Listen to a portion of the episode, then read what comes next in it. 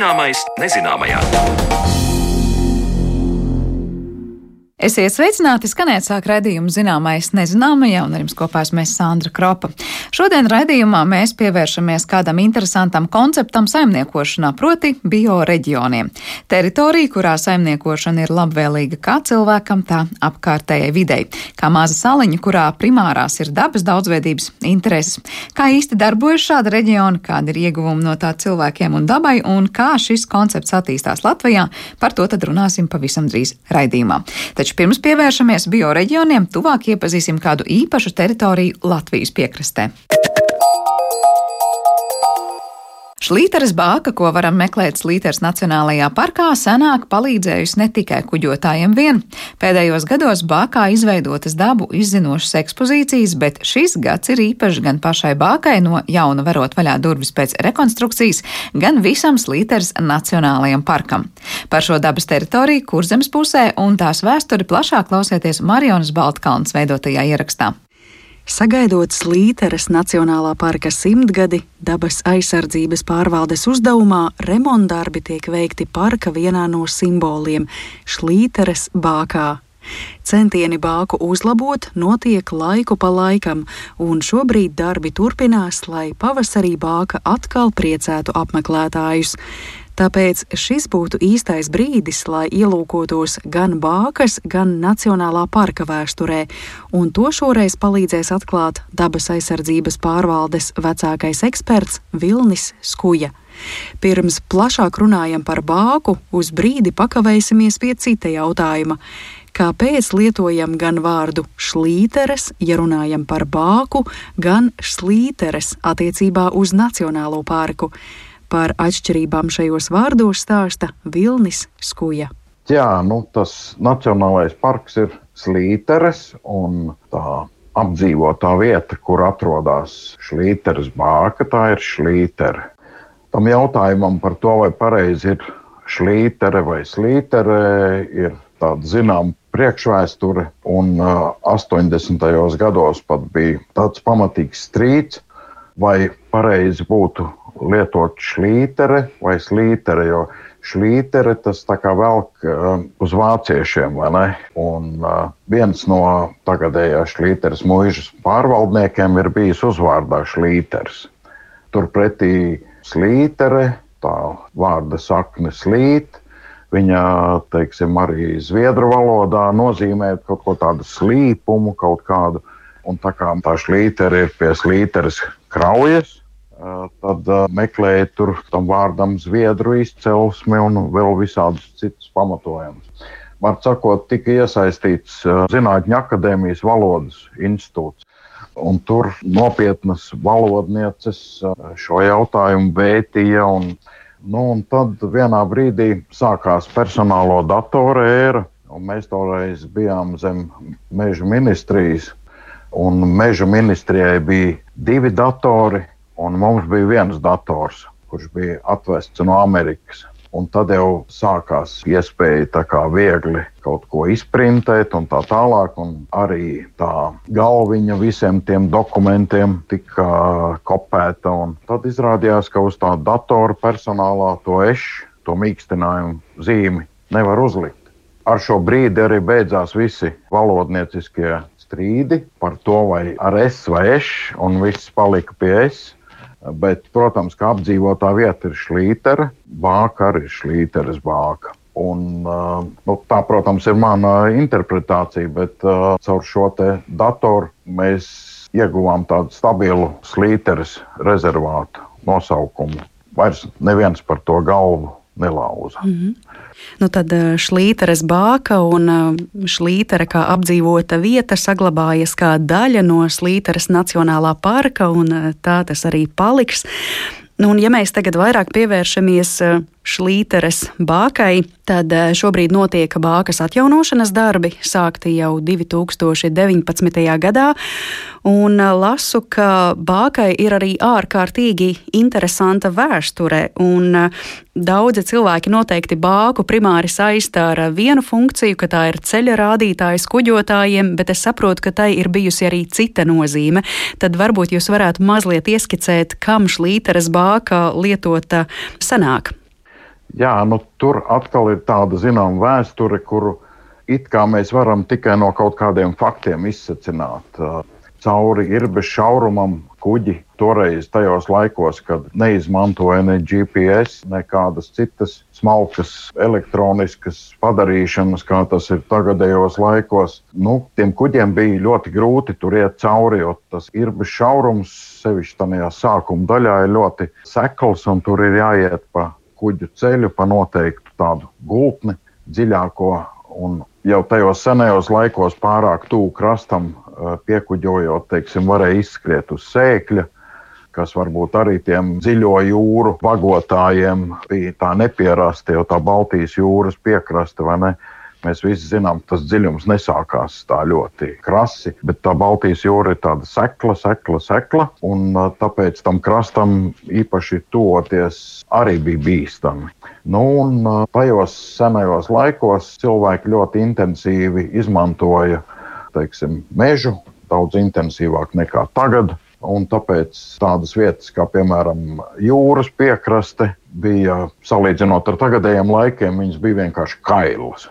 Tā piekraste bija tāda, um, salīdzinot ar tagadējo, viņa nebija tik zaļa, viņa nebija kokiem tā apaugusi. Arī tās līteres kraujas, tā augšējā mala arī bija nu, kaila. To mēs vēl redzam no 20. gadsimta sākuma fotografijās ļoti labi. Slīteres krauja ir apmēram 5 km no tagadējā jūras krasta. Tā tas ir vairākus gadsimtus, tas ir pavisam droši tā ir bijis. Un, ja tā jūras krastā bija augšā kāds liels koks, tad to noteikti varēja izmantot kā orientieri. Nu, ir tā doma, ka tur tagadējās bākas aptuveni tajā vietā auga kāds liels ozols vai tam līdzīgi, nu, visticamāk, ozols. Un to jūrnieki arī izmantoja vizuālai, smalki sakot, orientācijai. Respektīvi, viņi viņu varēja redzēt un varēja rēķināt kaut kādu precīzāku teiksim, kuģošanas maršrutu un to pareizo virzienu dabūt. Tad sanāk, ka bākai bija tādi kā papildu palīgi blakus, kurus jā, jūrnieki varēja tas, izmantot. Tas, bija, ja? tas koks it kā bija pirms tās bākas domājams, jo to bāku uzcēla uh, 1849. gadā. Un dažus gadus pirms tam visā Ziemeļkurzemē bija šausmīgs sausums un milzīgi meža ugunsgrēki. Un, tā zeme piederēja Dunkas baronam, kurš bija, ja ne lielākais Baltijā, nu tad kurzemē pavisam noteikti zemes īpašnieks. Un Krievijas cars pēc šī lielā ugunsgrēka Dunkas baronam piešķīra 7000 zelta rubļu, tagadējās bākas, toreiz torņa, vienkārši tāda novērošanas torņa celšanai. Un maz ticams, ka tā toreizējā Krievijas iekārta valstiskā būtu bijusi tikpat korumpēta kā tagad, teiksim, ir tagadējā Krievijas visa iekārta, un ka vienkārši par kaut kādiem nopelniem tam Dunkas baronam cars vienkārši tā piešķirtu naudu, lai uzceļ tur sev akmens torni, no kā novērot mežus un skatīties, vai kaut kur nedeg vai ne. Domājams, ka tas tornis tika celts ar tādu domu, ka tas ir vizuālai orientācijai ļoti nozīmīgs kuģniecībā objekts. Nu, viņam bija jābūt kaut kādai valstiskai nozīmei. Un tā tas tornis kalpoja vienkārši kā tāds tornis līdz pat 1960. gadu sākumiem, kad uh, visas šīs jūras navigācijas lietas bija zem armijas pakļautībā, kā saka, un tie celtnieki tur uzcēla tās mājas, kas tur tagad ir apkārt, tādas īstāk krievu stilā. Un uh, izveidoja tādu kompleksu, nojauca to torņa jumtiņu un uzlika tur lielu lampu, Un tā, tā bāka strādāja no tātad, nu, 60. gadi, 70. 80. līdz pat 20. un 21. gadsimta sākumam. Un tad izrādījās, ka viņa vairāk īsti nav vajadzīga un viņa kā bāka pārstāja darboties. Tad visai iespaidīgi gan, lai kontrolētu mežu ugunsgrēkus, gan, protams, lai palīdzētu arī kuģotājiem. Varam lasīt, ka tā ir arī otra vecākā navigācijas būve Latvijā, bet beidzoties šim padomju stāstam, kas arī izmainīja bākas konstrukciju, tad no 2000. 2016. gada saprotu, ka Bākā ir izveidots Slīteres Nacionālā parka dabas centrs. Ko tas piedāvā apmeklētājiem apskatīt? Jā, nu, tur ir dažādas izglītojošas lietas, kas ne tikai skolēniem un skolu jauniešiem, bet arī pieaugušiem cilvēkiem interaktīvā veidā ir pieejamas. Viens ļoti talantīgs puisis no Daugaupils universitātes izveidoja tādu ozolu mulāžu, kas ļoti naturālistiskā veidā atspoguļo to visu vecā koka būtību, un kur gids var izpausties, pastāstīt un parādīt, teiksim, kā to veco dobumaino koku dažādi dzīvie organismi var izmantot. Tad tur ir stends ar putnu balsīm, kur apmeklētājs var piespiest podziņu un paklausīties, kā dzied putniņš, kura bildi viņš redz stendā. Vēsturiskā Šlīteres bāka savulaik bijusi viena no augstākajām ugunīm Baltijas jūras piekrastē, un atrašanās Zilo kalnu kraujā noteikusi vēl vienu īpatnību - neviena no Latvijas bākām neatrodas tik tālu no jūras. Mūsdienās Šlīteres bākā iespējams organizēt arī seansus filmām par dabu, un, kad remontdarbi noslēgsies, bākā iecerētas vairākas īslaicīgas ekspozīcijas gan par Nacionālā parka meža iemītniekiem, gan Nacionālā parka izveides vēsturi. Tās ekspozīcijas, tas ir tāds darbs, kas būs vienmēr mainīgs. Ar vienu tur būs kaut kas, ko darīt, un ar vienu tas tiks uzlabots, tā teiksim. Nu, es esmu viens no Latvijas iedzīvotājiem, kas vēl nekad nav bijis Šlīteres bākā. Tā kā man būtu ļoti skaisti. Jā. Viss vēl priekšā. Man būtu Jā. ļoti interesanti paciemoties eh, pie jums eh, pēc eh, bākas renovācijas, bet 2023. gads vēl ir iezīmīgs ar to, ka Slīteres Nacionālais parks eh, šogad svin savu simt gadu jubileju. Un te gan man ir jāpiebilst, ka Nacionālā parka statusu tas ir ieguvis 2000. gadā. Pirms tam tas ir bijis rezervāts, tad sanāk, ka šogad mēs svinam simt gadu jubileju kopš tā brīža, kad vispār šī dabas teritorija ir izveidota ar kādu aizsargājumu no, nu, statusu. Ja? Sākumā tika izveidots nu, kā otra aizsargājumā teritorija Latvijā. Nu jau būs tie simts gadi, vai ne? Pagājuši un 1100 hektāru platībā. Moritsala tā ir pirmā teritorija aizsargājumā, ko izveidoja. Bija tikai 80, drusku vairāk hektāru liela. Ja? Tad slīterē jau tie bija 1100 hektāri. Tas bija jau pamatīgs gabals. Un tad pēc otrā pasaules kara to nosauc par rezervātu. Tas rezervāts ir pakāpeniski audzis, un tagad viņš ir vairāk kā 16,000 hektāru platībā, bet vienalga mēs esam mazākais nacionālais parks Latvijā. Bet sakiet, tas, ka tam ir nacionālā parka, nevis rezervāta status, tas sniedz kaut kādas lielākas iespējas dabas aizsardzībā, vai arī tas dod kaut kādas lielākas iespējas tieši apmeklētājiem? Jā, nu tas teritorijas novietojums ir ideāls nacionālajam parkam. Jūra, piekraste, tā pieejamība un rekreācijas resurss kā tāds.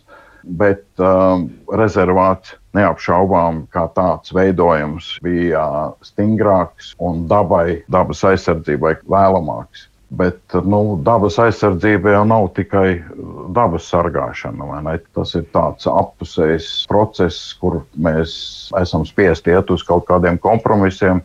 Un, nu, šajā gadījumā neviens no pārējiem nacionālajiem parkiem nav tik ļoti koncentrēti pieblīvēts ar dažādiem biotopiem, teiksim, dažādu aizsargājumu elementu uh, daudzumu, kā tas ir Sklīteres Nacionālais parks.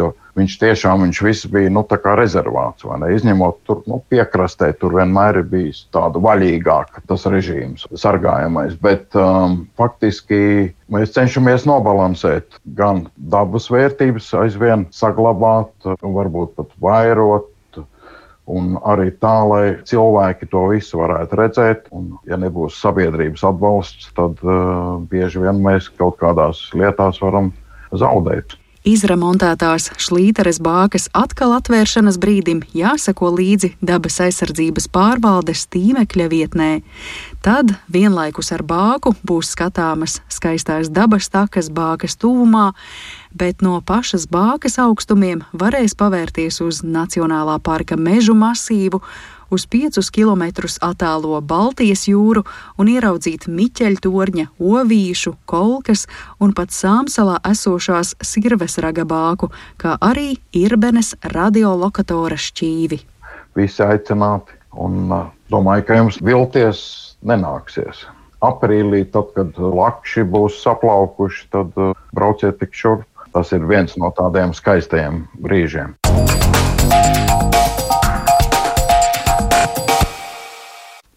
Paldies Marionai Baltkalnei par sagatavoto stāstu par Slīters Nacionālo parku un leģendāro bāku, bet raidījuma turpinājumā pievēršamies bioreģioniem, skaidrosim, kas tie tādi ir un kur atrodami.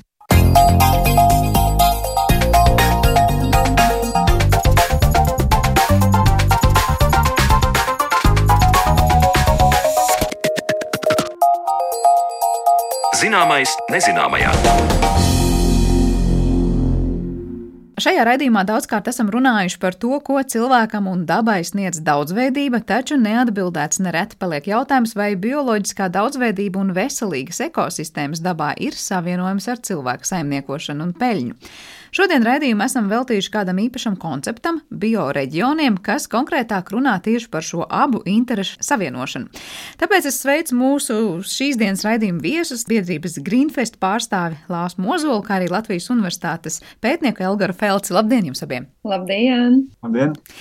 Es saprotu, Elgars pirms brīža arī pie mums viesojās ar stāstu par ļoti dažādiem veidiem, kā saimniekot tā, lai gan dabai labi, gan cilvēkam labi, un nonācām pie secinājuma, ka ir tāds atsevišķs tās kā bioreģions, un gribētu vispirms lūgt, varbūt tad Elgars sākšu ar tevi izstāstīt, Kas īsti tas ir un ko tas ietver, un par ko mēs šai konceptu ietveros vispār varam runāt, kas ir un kas nav bioreģions? Par ja biorēģiem tas ir tāds jēdziens, kas tiek izmantots daudz viet jau um, Eiropā, lai apzīmētu ja, kādas teritorijas, ja, kas tiecās um, uz teikt, bioloģiskāk, vidē draudzīgāk attieksmi. Nerad tas saistās arī ar e, bioloģiskās lauksaimniecības popularizēšanu ja, šajā reģionā. Ja, un, un daudzveidība ir diezgan, diezgan plaša. Manuprāt, Lāsma arī bija sazinājusies ar, ar um, vienai no pirmajiem, ne, kas Eiropā bija aizsākuši Itālijā. Man tas būtu interesanti saprast, teiksim, ja kā, no kā tas sākās. Tad pārsvaras vairāk pastāstīt. Jā, Lāsma, tātad mums dosiet vēsturisko ieskatu, jā. Par bioreģioniem var skatīties uz šo konceptu gan šauri, gan plaši. Ja mēs skatāmies šaurāk, tad tās ir teritorijas, kurās mēs īpaši attīstām bioloģisko lauksaimniecību, tad veicinām bioloģiskās lauksaimniecības attīstību. Ja mēs skatāmies uz bioreģioniem kā uz plašāku kontekstu, tad mēs skatāmies uz ilgspējīgu resursu pārvaldi, un mēs neskatāmies tikai par lauksaimniecības zemēm, mēs skatāmies par visiem resursiem, ko mēs patērējam, gan vietējiem resursiem, gan to, ko mēs ievedam.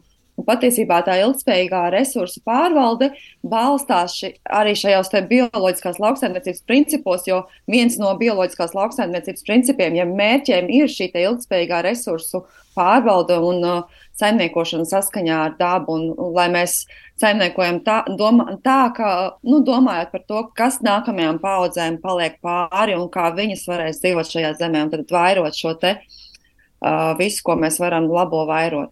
Bet pirms un, tā, jā, es atvainojos tā ieskatā vēsturē, es gribēju precizēt, tā ilgspējīgā resursu pārvalde, tas būs attiecībā uz pilnīgi to, ar ko kurinām mājas, es nezinu, kā dzesējamies, kā sildamies, uh, kā apsaimniekojam atkritumus un es nezinu, ko ēdam un ko pērkam.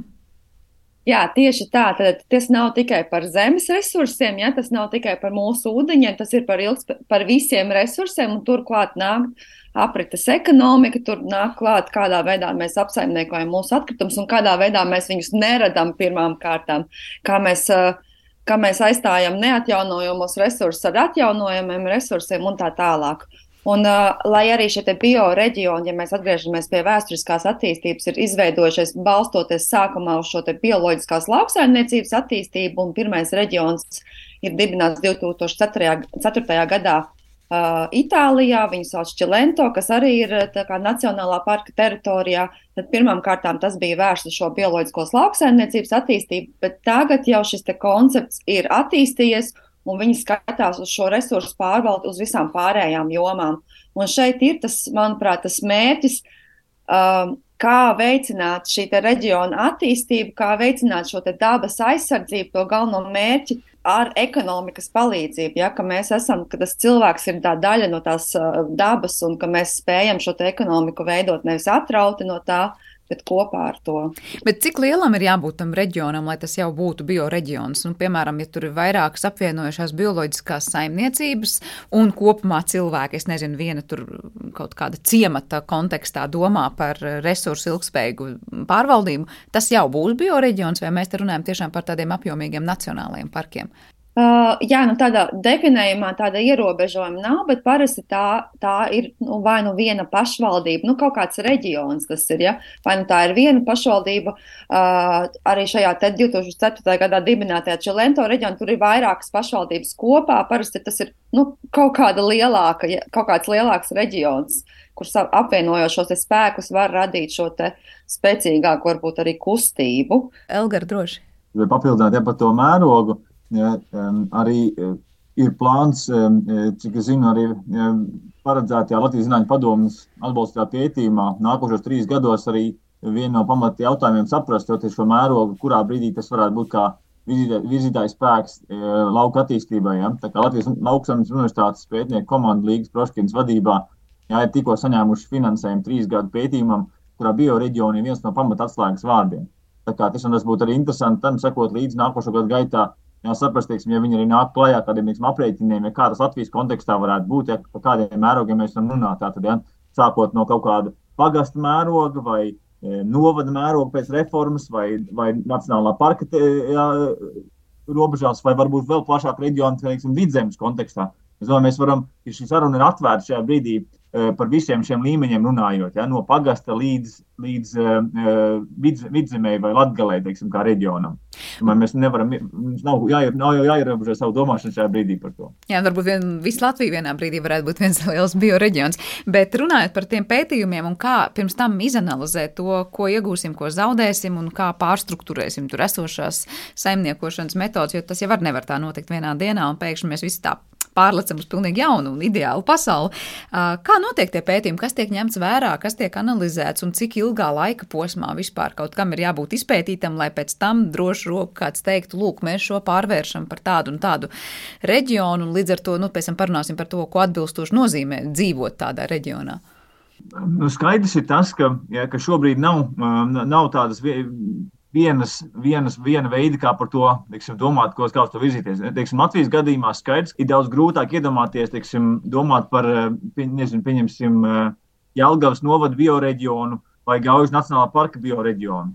Ja, skaidrs, teiksim, šī transformācija vienā vai otrā gadījumā būtu daudz lielāka, kas ir vajadzīga, ja, un, un attiecīgi arī pretestība, es pieņemu no industriālas lauksaimniecības puses. Tas, laikam, viens, kā to var saprast, un, un, un tajā kontekstā, manuprāt, arī mēs noteikti svarīgi būtu ja, apspriest pāris lietas, kāds ir izpaudies jā, tieši Gājas Nacionālā parka kontekstā, kas, kas Latvijas gadījumā ir ja šī pirmā iniciatīva, kur ir apzināti ja, šī jēdziena, bioreģionu izmantošana un, un popularizēšana un darbs gan ar sabiedrību, ja, gan ar um, politiķiem, vietējām pašvaldībām, ja, kas, kuras attiecās Gājas Nacionālā parka pam, pamatās Siguldas un e, Cēsu pašvaldības.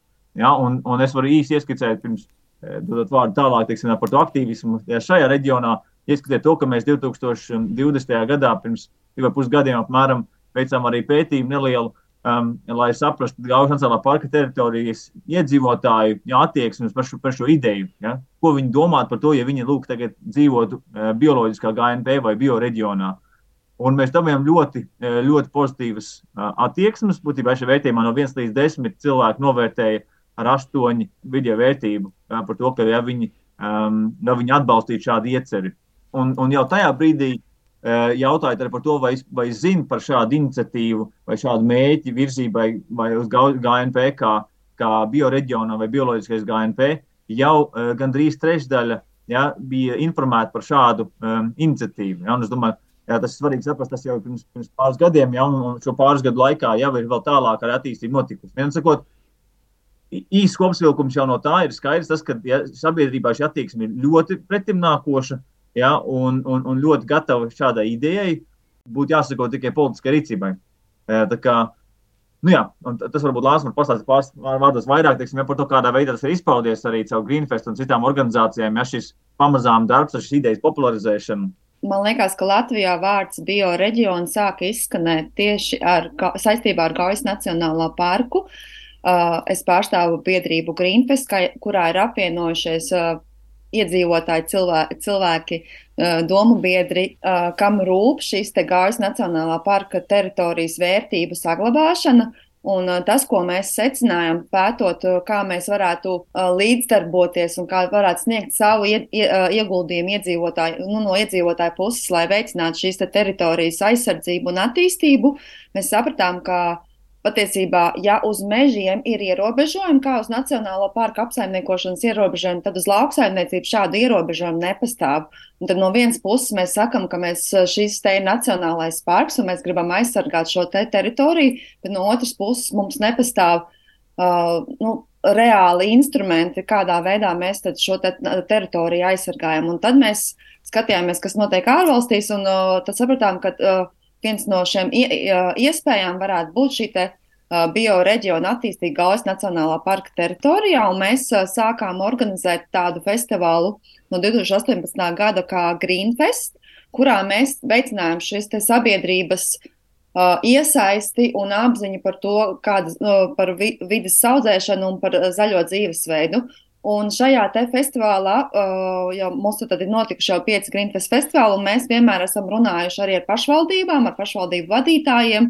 Pēc gadu laikā šobrīd pašvaldības, gan Siguldas pašvaldība, gan Cēzas pašvaldība, gan arī Valmieras pašvaldība, kas ir gājusi Nacionālā parka teritorijā, Taļiņa, uh, ir teikušas, jā, uh, šo ideju viņas atbalsta, un uh, ka mēs varam, šī, šī ideja ir apsveicama, un, un uz to mums būtu jāiet.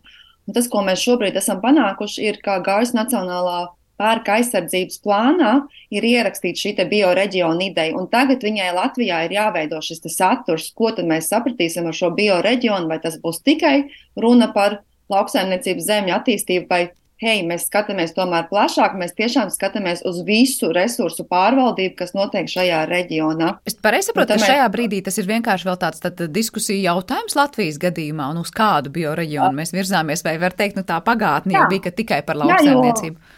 Jā, jo redziet, Eiropa, Eiropas Savienība šādu rāmi nenosaka. Ja? Tad mēs šobrīd vēl diezgan esam, mēs esam pētījuši ar citu valstu pieredzi, jo Francijā, teiksim, vai nu, tā Itālijas pieredze, ko es jau tikko jau minēju, ir tad uh, ir plašāk šis ietvers ilgspējīga resursu pārvalde, bet tajā, tāpat laikā, piemēram, arī Francijā ir atsevišķas preču zīmes, kuras var piešķirt teritorijai tad, ja ir izpild, izpildās divi kritēriji. Viens kritērijs ir vismaz 15% bioloģiskās lauksaimniecības zemes šajā teritorijā, un vai uh, 22% bioloģiskās pārtikas publiskajā iepirkumā. Un, uh, jā, tad Latvijai mēs varam šobrīd vēl lemt, kā mēs, kā mēs gribam, cik plaši mēs gribam iet. Un kā mēs varam iesaistīt pilnīgi visas, nu, man, manuprāt, mums jāiet uz plašāko, protams, kontekstu, kā mēs varam iesaistīt pilnīgi visas nozares un sākt, sākt uz to iet, jo mēs, mums ir jāsāk veidot šīs ilgspējīgās sabiedrības. Mēs par to daudz runājam, mums ir ļoti daudz strateģisku dokumentu, kur ir pieminēta vārda ilgspēja bet mums, mēs neejam tā mērķiecīgi, neejam uz to realizāciju. Un šī, tad, manuprāt, ir viena no iespējām būvēt šo ilgspējīgo sabiedrību. Vismaz Gaujas Nacionālā parka teritorijā vai Vidzemes reģionā. Bet eh, jūs minējāt, tā iedzīvotāja ja interese ir diezgan eh, liela un attieksme pozitīva. Vai jūs esat mērījuši un skatījušies, kas notiek esošo lauksaimnieku nu, šajā reģionā vai, vai pakalpojumu sniedzēju Vai tajā brīdī ir vērojams kaut kādas izmaiņas, ka proti, kamēr iedzīvotājiem uzdod jautājumu, vai tu gribi dzīvot bioreģionā, es domāju, ka atbildes sniegt, jā, gribu, ir daudz vieglāk nekā kādam, kuram tas nozīmēs pilnībā pārorientēt to savu saimniecību vai biznesu, vai jūs ar to saskārāties? Jā, mēs jau esam nedaudz jau sākuši tādas izpētes darbus, un mums ļoti palīdzējis arī pētniece Māja Ušķa no Arēja institūta. Un uh, vidēji Uh, Gaujas Nacionāla parka teritorijā ir vairāk bioloģisko saimniecību nekā citā, citās Latvijas, Latvijas teritorijā. Uh, bet tāpat laikā mēs redzam arī izaicinājumu, vienlaikus arī iespēju. Bioloģiskā lauksaimniecība nevar pati par sevi attīstīties, ja nav šis bioloģiskās lauksaimniecības tirgus. Un šeit ir ļoti svarīgi šīs te, uh, pašvaldības tāda gudrā un veicinošā tirgus attīst, attīstība, piemēram, publiskais iepirkums. Jā, mēs varam veicināt caur publisko iepirkumu gan veselīgas pārtiks pieejamību mūsu bērniem, gan arī veicināt šo tirgu un vietējās lauksaimniecības attīstību. Elgar, būs kas piebilstams? Jā, tā, tā ir būtiska dilemma teiksim, ar to iedzīvotāju attieksmēm un, un, un ko tas pieprasa, kādas izmaiņas lauksaimniecībā. Tur ir vairākas atbildes tam, teiksim, jā, kā par to būtu jādomā. Tiešām, jā, jo sākuma punkts teiksim, jā, par to sabiedrības um, attieksmi vai sabiedrības izpratni par šiem jautājumiem. Eh, tam vajadzētu būt kā ļoti svarīgam argumentam, ja, kāpēc šīs pārmaiņas veicināt vai kāpēc nodrošināt skaidru, viennozīmīgu atbalstu Ja, arī šim pārējais procesam, nevis tikai tā, ka to brīvprātīgi zemnieki dara, ja, bet sistemātiski valsts mērogā nodrošināt, teiksim, ja tur piecu gadu e, pārējais periodu, ja ko dod stabilitāti, drošību zemniekiem, ja to, e, to darīt. Nevis tikai tā, ka būtu forša sabiedrība, gribētu, me, me, ja kaut kādas politiskie lozungi, ja, bet tieciet paši galā. Ja, un skaidrs, ka šis pārējais process ir vis, visgrūtākais brīdis, teiksim, ar kaut kādiem īstermiņa ražas zudumiem vai e, jaunu teiksim, kapitāla investīcijām, kas ir vajadzīgas, lai lai mainītu, lai mainītu ražošanu no, no ierastā, ierastā veida. Ja? Un tā kā es vairāk kārt saku, šis pamatojums ir ļoti skaidrs. Jā, es varu atsaukties arī uz, uz, uz citiem pētījumiem, kas arī ne, ne tikai Gaujas Nacionālā parka teritorijā, bet teiksim, vispār valsts mērogā, ko mēs arī esam šos uh, il, ilgtermiņa datus salīdzinājuši vairāk, vairāk, vairākus gadus. Tā teikt, secīgi uzdodot um, līdzīgus jautājumus, lai saprastu, ja šis sabiedrības attieksmes par dažādiem teiksim, vidas jautājumiem. Ja es pāris lietas varētu izcelt, piemēram, Ja mēs runājam, ehm, ja šis apgalvojums par to mūsu veselību un labsajūtu ir atkarīgi no dabas un bioloģiskās daudzveidības, ja, teiksim, uz, šo, uz šo jautājumu mēs sagaidītu labu, ja, teikt, tā teikt, pozitīvu attieksmi, ja, tad tie ir šobrīd 90% ehm, cilvēki, kas, kas piekrīt tam, kas uzskata to, kas ir svarīgi. Ja, sakot, ja šī biolo, dabas bioloģiskās daudzveidības ehm, nozīmīgums. Ja, savukārt, jautājums, un tas ir pieaudzis nedaudz, ja, salīdzinot 17, 20, 21 gadu, teiksim, pieaudzis no 83 līdz 90 procentiem. Ja, tāpat mēs jautājumā par to, ka, ja, vai cilvēki uzskata, ka Latvijā, lai aizsargātu dabas vērtības, būtu jāveido jaunas aizsargājumas dabas teritorijas. Ja, tie ir ap 60%, nedaudz virs 60%, kas piekrīt tam. Ja, un tad vēl tādi, kam ir neitrāla attieksme, un, un noraidoši ir, ir mazāk nekā 30% ja, par šādu apgalvojumu. Tā kā mēs runājam, teiksim, arī tas nav tikai par teiksim, bioloģisko um, e, teiksim, bioreģioniem, bet vispār teiksim, attieksme par to, ka ja dabas, dabas aizsargājamas teritorijas varētu būt vairāk. Politiskā mērogā mēs, mēs, mēs dzirdam lielu noliegumu no mežrūpnieku apdrošināšanas puses. Arī mēs dzirdam to, ka nepasaka Dievs vairāk aizsargājamas teritorijas.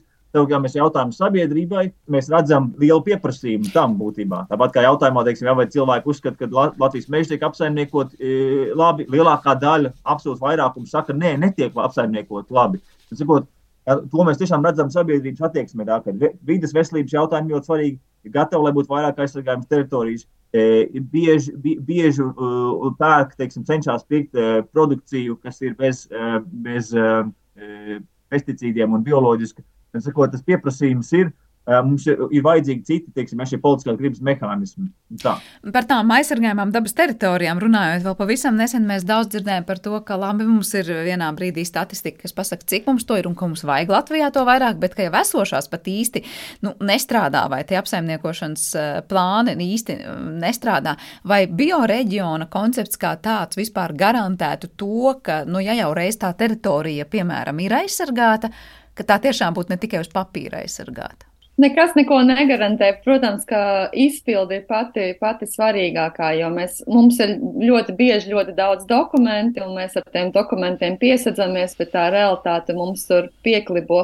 Viss ir gribas jautājums, un viss ir darīšanas jautājums, protams. Jā, bet, nu, ja mēs skatāmies tādā arī tādā Eiropas Savienības strateģiskā redzējuma virzienā, tad mēs redzam, ka, lai arī šobrīd nav šis ietvers attīstīts, tad Eiropas Savienības ir pateikusi, ka mēs ejam uz bioloģisko lauksaimniecību, ka mums, tāpat kā citām valstīm, ir jādomā, kā mēs panāksim, ka bioloģiskās lauksaimniecības zemes ir 25%. Tas ir Eiropas Savienības uzstādītais mērķis. Un uh, Eiropas Savienība ir arī pateikusi, ka bioreģioni ir viens no šiem instrumentiem, uh, kā veicināt šo te uh, rādījumu sasniegšanu. Tā kā, nākotnē, droši vien, ja, ja šobrīd vēl nav, visas valstis par to nedomā, un ja visās valstīs vēl nav bioreģioni, tad uh, nākotnē šis, šis būs karstais jautājums. Un, un domās, es te redzu arī plašākā kontekstā. pētot un skatoties par šiem bioreģioniem, pamanīju, ka, kas man ļoti izbrīnīja, ka patiesībā tādā Dānijā vai Ziemeļvalstīs, Ziemeļa Eiropas valstīs šie bioreģioni nav. Vismaz viņus nevar atrast zem vārdiem bioreģions vai, vai organic district, ja, bet bet tāpat laikā Somijā, piemēram, viņi par to nerunā, un tas, to viņi neizmanto zīmolmedībā, bet visi nacionālie parki, tad visi tie mēžas teritorijas, dabas teritorijas, kurās var iet un nakšņot un, un baudīt dabu, viņi visi ir certificēti kā, bios, kā biosauvaļas teritorijas. Tā kā no vienas puses varbūt ar skaļiem saukļiem neiet, bet tāpat laikā Ziemeļa Eiropas valstīs, viņiem nu, tā dabas aizsardzība ir svarīga, un, un tās šīs te teritorijas ir jau certificētas kā biosauvaļas teritorijas. Es tieši gribēju vaicāt par to, vai tāds bioreģions nevarētu arī kļūt vienā brīdī nu, par tādu vienkārši mārketinga lozungu vai vārdu, un varbūt kāds reģions pašvaldība teiks, es ļoti gribu, bet realitātē tur nu tālu mēs būsim no tā bioreģiona. Kā no tā nu, pasargāt to, lai, lai nedegradējas, varbūt laba ideja par, nu, kā mēs sakām, tādu zaļo mārketingu vienkārši.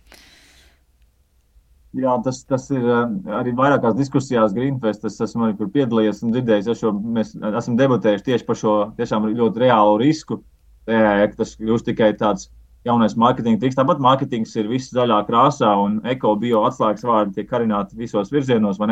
Tas ir absolūti risks, kas ar to saistās. Un es kaut kādā mērā saistu cerības arī ar šo ar šo nākošo trīs gadu laikā paredzamo minēto jau šo pētījumu par bioreģioniem, kā, ko LLU pētnieki veiks. Tieši ar tādu cerību, ja viņi varētu sistematizēt ja, šo skatījumu, ja, ko mēs varētu to, to, to saukt, balsoties teiksim, citu valstu pieredzēs un Latvijas gadījumā, ja kādreiz, ja, kā, kādā veidā sistemātiskāk varbūt ja, šo um, ja, apzīmēm izmanto. Jo skaidrs, teiksim, ja, kaut kāda aizsardzības pasākuma ierobežojuma dabas nacionālā, teiksim, nacionālā parkā vai Natūra, Natūra 2000 teritorijās jau ir kaut kādā veidā definēts, ja bioreģionā šī, formulējuma nekāda nav šobrīd. Ja šis saturs būtu jāveido ja kādā veidā, ja šo, ja šo formulēt, ja, un, un, un tas, manuprāt, prasa tādu rūpīgu, rūpīgu apdomāšanu, ja, un kā tam kļūt, jau Lāsa pieminēja, ja, kā daļa no, daļai no ja, šī virzība Eiropas, ja, Eiropas zaļ, zaļā kursa ja, procesā, ja, kā tas kļūst par daļu no tā. Un, Es domāju, tas ir nākošo, nākošo gadu izaicinājums, ja kā tam ielikt svarīgu saturu un nedevalvēt to.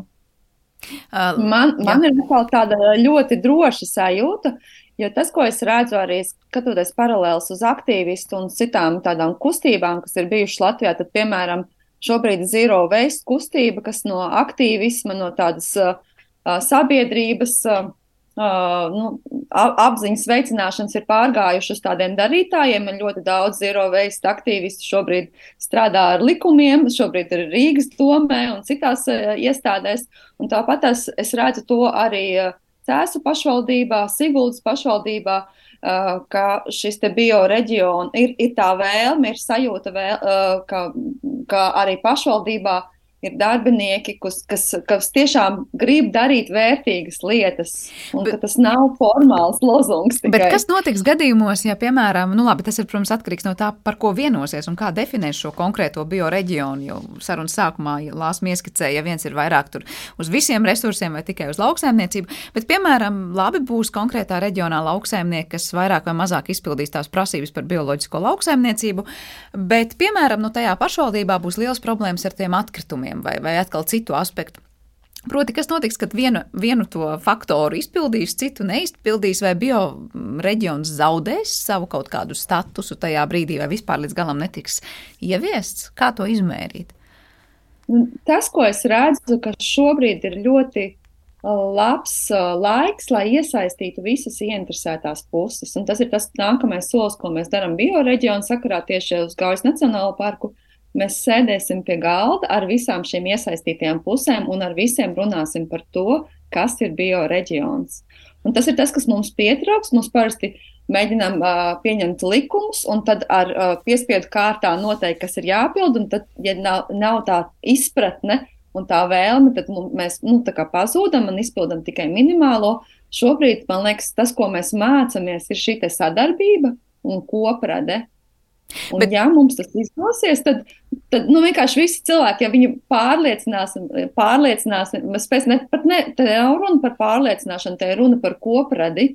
Ja mēs šo te bioreģionam piešķirsim kopīgi, piešķirsim šo saturu, tad ir tās izpildes problēmas. Un te ir tas, ja mēs runājam uz atkritumu pārvaldību, tad, manuprāt, vidzemē ļoti paveicies, jo šeit ir pašvaldības uzņēmums ar ļoti arī atsaucīgiem cilvēkiem.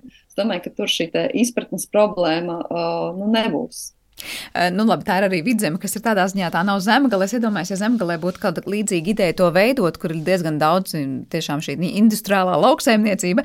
Kas notiktu brīdī, ja kāds no tajā reģionā esošiem saimniekiem pateikt, bet es nevēlos kļūt par bioloģisko lauksaimnieku, vai būs kaut kāds ierobežojums, ar kādu saimniecisko darbību tas cilvēks varēs nodarboties, vai savukārt ir kaut kāds procents, kas vienmēr var palikt pietiekoši industrializēti un nebioloģizēti tajā kontekstā, vai tad vienkārši reģionam zūd jēga un tas nevar izpildīt savus kritērijus? Jā, mēs šeit sākumā arī no mūsu pieredzes tajā aktīvismā gājām ar to, ka mums ir jāpanāk šis aizliegums konvencionālajai lauksaimniecībai. Un tad vajadzētu noteikt, ka bioloģiskajā šajā Gaujas Nacionālā parka teritorijā var, var nodarboties tikai ar bioloģisko lauksaimniecību. Un mēs saņ, saņēmām uzreiz ļoti, ļoti lielu pretestību. Un man šobrīd man liekas, ka pareizais ceļš ir nevis aizliegums, bet visu instrumentu iz, izmantošanu, lai veicinātu šo pārēju uz bioloģisko lauksaimniecību. Tad aizliegums nekad nebūs. Uh, varēs nodarboties ar kādu lauksaimniecību, lauksaimnieks vēlas. Galvenais, lai, lai uh, pats zemnieks, pats lauksaimnieks redz, ka viņam ir priekšrocības. Un šeit tad, tad jā, jābūt šiem instrumentiem, piemēram, uh, Zviedrijā bioloģiskā lauksaimniecība ir ļoti labi attīstīta tieši tāpēc, ka viņiem ir šie bioloģiskie mēslošanas līdzekļi. Tad konvencionāls lauksaimnieks viņš nevar pāriet uz bioloģisko saimniekošanu, ja viņš neredz, ka viņš var pietiekami uh, atrast šos veidus, kādā veidā mēslot bioloģiski. Un tur tā atkrituma apsaimniekošana iet roku rokā, jo Uh, bioloģiskā mēslojuma tad, tad, digistāta piedāvāšana, kas ir tad, tad reģionālā attīstība, kurā ir šie biodigistāti, kas tālāk tiek piedāvāti zemniekam, un zemnieks viņus var izmantot kā mēslošanas līdzekļus. Tur tas ir ļoti sakārtots, ļoti labi darbojas, un ir šī aprites ekonomika. Un zemniekam tad jau ir tikai tirgus jautājums, vai ir izdevīgi vai nav izdevīgi iet šajā bioloģiskajā saimniekošanā. Bet, ja tas saimnieks pasaka, nē, man ir vilnīgi viena alga un es tam nepiekrītu, tad kas notiek? Nu, ka tur nekādi argumenti, piemēram, nestrādā. Es domāju, es domāju tas, tas varētu iet roku rokā ar to jautājumu, kas kas arī um, pēdējā gada laikā e, tiek tā teikt, šur un tur virzīts, ja proti jautājums par e, buferjoslām, par teritorijām. Nu, teicīgi, nevis, nevis formāli, teiksim, ja kaut kāda tur e, desmit metru vai bioloģiskā atbildība ir veidot buferjoslas, tad, teicīgi, teikt, jā, no turpināt, ja, bet, teiksim, daudz plašākus un lielākus buferjoslas, ja, kuru veido, kuru uztur, kura, kuras jāuztur pašiem industriāliem lauksaimniekiem. Ja tas arī vienkārši skaidri pasakot lietas, kā ir, teiksim, ja, nu, ar, ar, ko, ar kādu veidu saimniekošanu, kas rada blaknes, um, negatīvas blaknes videi, vienkārši un kādas, un kādas ierobežojumus papildus mēs lūdzam, lūdzam ievērot. Ja, nu, tas, tas, manuprāt, ir viena lieta, par ko varētu būt. Un, teiksim, ja, es, ja šur tur varbūt izskanējis arī mēdījos pēdējo pāris mēnešu laikā rezultāti ja, par, par pesticīdu atlieku vielu klātbūtni māju putekļu paraugos, ja, kur veids ekodizaina kompetences centrs ar permakultūras biedrību veids, sūtot paraugus uz Francijas laboratoriju, lai, lai to pārbaudītu. Sakot, un, un redzot tiešām ja šo plašu, plašu, plašu klātbūtni. Sakot, jā, tas, tas tā lieta, par ko es arī būtu būt jābūt. Jā. Tā kā, tas ir pievienojis Laurai Asmē absolūti teiks, par šo jautājumu par um, veicināšanu jā, visiem iespējamiem veidiem, ne, neiet cauri caur, caur aizliegumu, bet tiešām komunicēt skaidri to, ko atkal, kā jau teicu, sarunas sākumā, ja, ko mēs redzam, absolūti redzam ļoti plašas sabiedrības pozitīvu attieksmi vai vēlmi um, jā, uz, šādu pārēju. Sakot, ja šī vēlme tur ir, jā, noteikti arī lauksaimnieki no visas spektra lauksaimnieki to, to apzinās. Jā, tikai viņiem ir jādod, jādod jā, skaidrs iespējas, jā, kā uz to virzīties, jā, gan praktiskas, jā, gan zīmola ziņā, jā, gan, gan pārējais procesa ziņā, jā, dot viņiem šo iespēju, iespēju to darīt. Saprast to, ka jā, valsts strateģiski uz to virzās, un, ja mēs, labi, tad es arī lecu šajā vilcienā, ja jau mēs kā valsts un reģioni strateģiski uz to virzamies. Un, un, un tie, kas, tie, kas daži, kas negribēs, nu, tad, tad attiecīgi ar plašām buferjoslām Un, un lai jau būtu arī tādā veidā. Nu, es domāju, tie tie ir ceļi, kā to varētu attīstīt. Un katrā ziņā diskusijas paredzu, ka tikai versīsies plašumā, un tad arī tie dažādie jautājumi jau tikai izkristalizēsies, kur kāds varbūt vienā brīdī piekrīt, pēc tam jau sāk iebilst. Un savukārt tas, nu, tiešām jāsaka, ne pārliecināšanas darbs, bet izglītošanas darbs cerams tiešām ies plašumā. Noslēdzot šo sarunu, Lāsma jau pirms tam te teica, ka tas ir tāds lielisks rīks, kā ievies šo ilgspējīgo sabiedrību, vai ne? Un izklausās tiešām beidzot nu, tas teorijā pamatotais, pareizais, ka nevis no augšas kāds pasaka, kā jādara, bet mēs te paši visas iesaistītās puses no apakšas sakam, ko mēs gribam, un tad arī tā efektivitāte būs.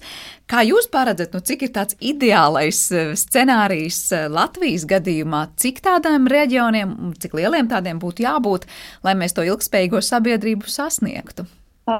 Es jau šobrīd sarunās ar, ar citiem cilvēkiem no Kuldīgas vai no Zemgales man bieži saka, ah, jums tur vidzemē, mums tik ļoti.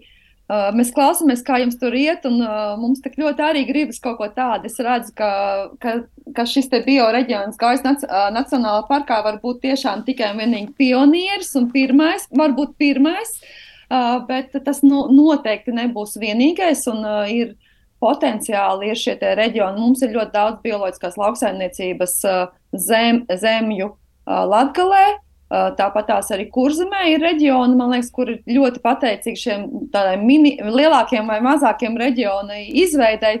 Es domāju, jā, ka tas ir tikai sākums. Un, protams, mēs skatāmies varbūt uz to zemgali, kur ir uh, intensīvāka lauksaimniecība. Tur uh, Tur ir daudz grūtāk, varbūt uzreiz nākt ar šo ideju, bet vidzeme, latgale un kurzeme ir ļoti liels potenciāls. Un tas nav uzreiz pilnīgi visa kurzeme, tas varbūt atsevišķs mazs, maz varbūt reģions, kas tiešām atbilst visiem šiem pirms tam definētiem kritērijiem. Paldies jums abiem par sarunu. Es atgādināšu, ka šajā raidījuma pusstundā mēs bijām kopā ar Latvijas Universitātes pētnieku Algaru Felci, kā arī biedrības Greenfest pārstāvi Lās Mozolu. Ar to arī raidījums ir izskanējis un par, to, par tā skanējumu rūpējās producente Paula. Gulbinska, mūzikas redaktors Girds Bišs, skaņu režijā bija Normits, bet eh, studijā šeit es Sandra Kropa, un vēlot tiešām tādas, nu, ļoti interesantas diskusijas tuvākajā nākotnē, no jums atvedos visu labu!